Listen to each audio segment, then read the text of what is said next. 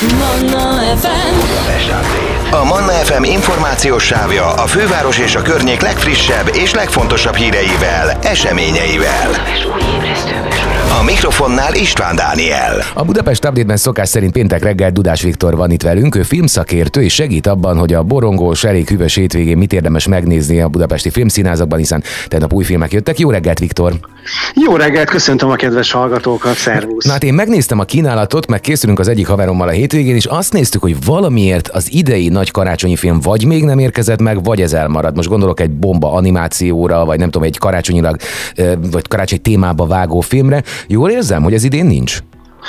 Hát, mert gyakorlatilag az Avatar az most szerintem olyan szinten be fog teríteni mindent karácsonykor, hogy úgy gondolták a stúdiók, hogy jobb ebbe a versenybe nem beszállni, és engedni az Avatárt, hogy tematizálja majd a jövő héttől a, a karácsonyi filmnézési szokásainkat. Aha, lehet, hogy akkor ez azok. Viszont azért van kínálat, rögtön vágjunk bele. Itt van egy spanyol-olasz filmdráma, az Alcaraz, amiről azt olvastam, hogy elég sok ö, ö, nemzetközi filmfesztiválon jól szerepelt.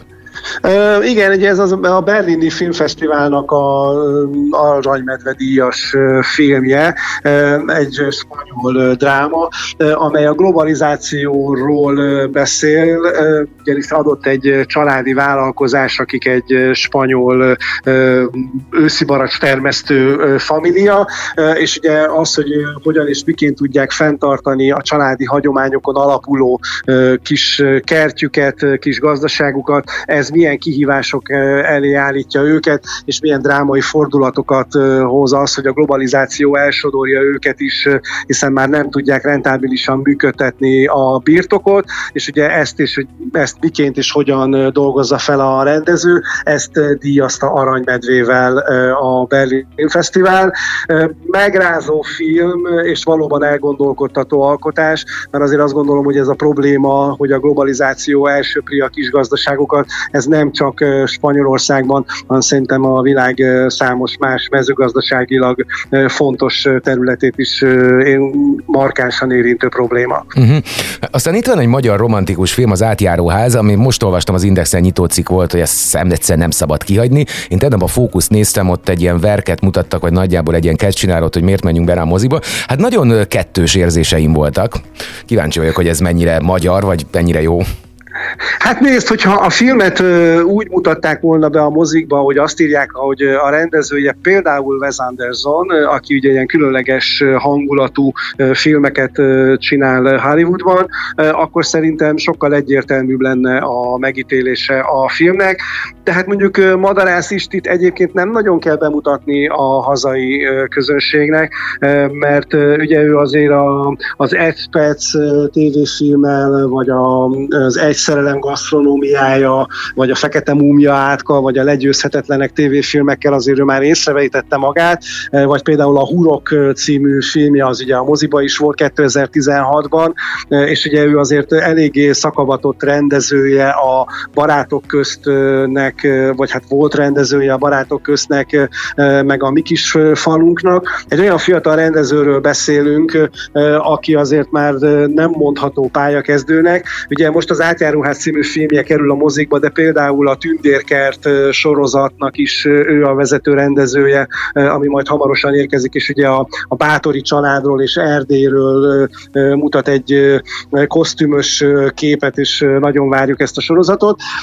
Bátor film mindenféleképpen.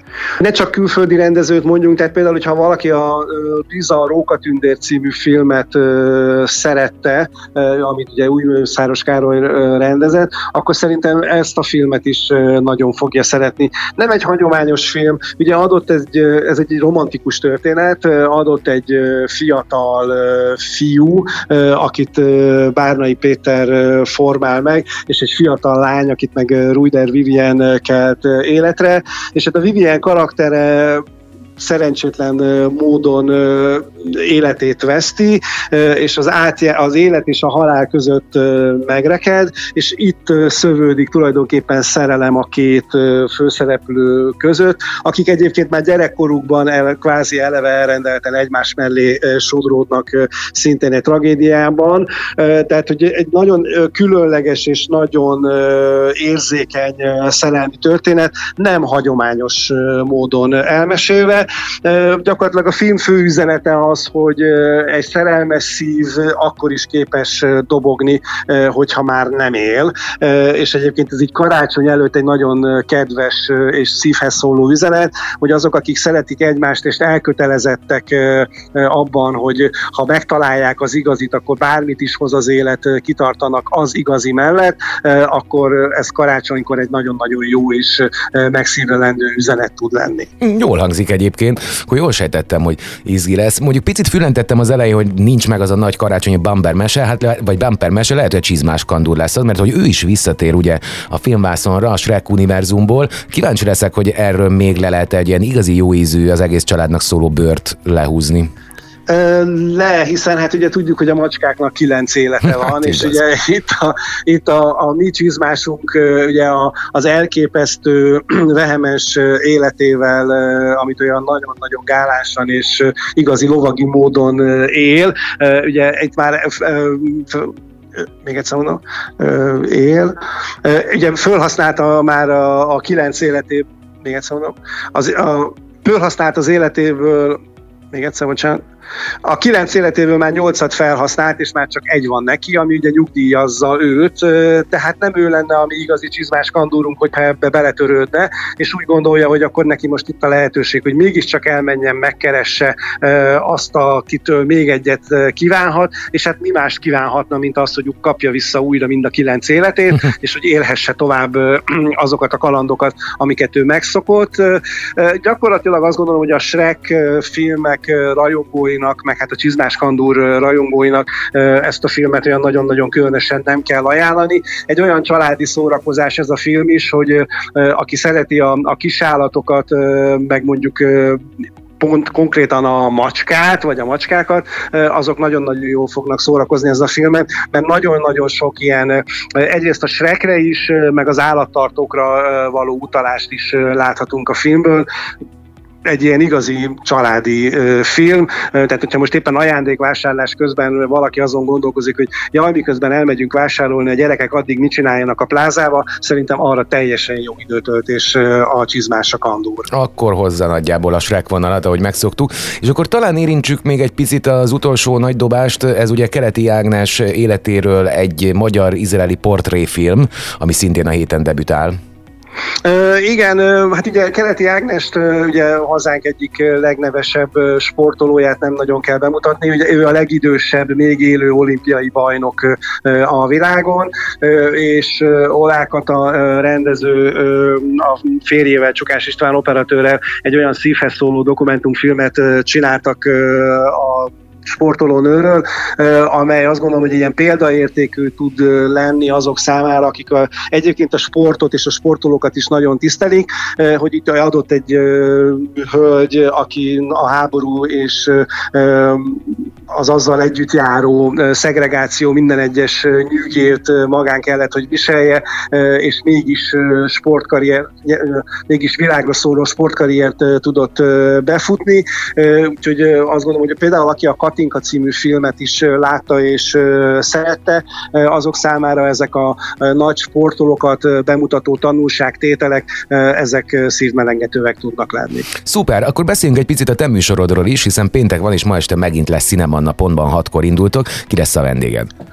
A mai vendégem Hargitai László lesz, akit pamacsként ismer a, a szakma, és egy kiváló filmvágó, nem mellesleg ő a Magyar Filmvágók és Videóvágók Egyesületének az elnöke, és olyan filmek kötődnek a nevéhez, mint például a 6 hét, a Vadlovak, a Hortobágyi mese, az Apró mesék, az Örök tél, vagy a Puskás hangeri, vagy a Sejtjeink.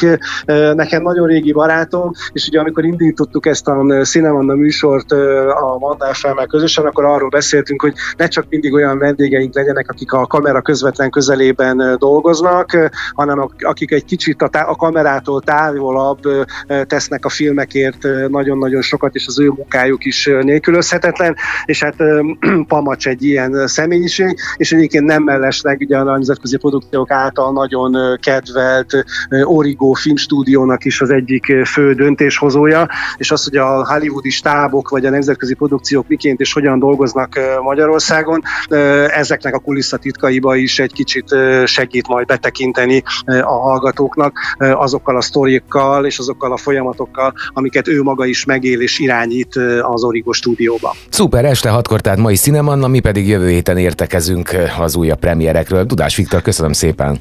Én is köszönöm, jó mozizást mindenkinek! Manna FM. A Manna FM információs sávja a főváros és a környék legfrissebb és legfontosabb híreivel, eseményeivel. A mikrofonnál István Dániel.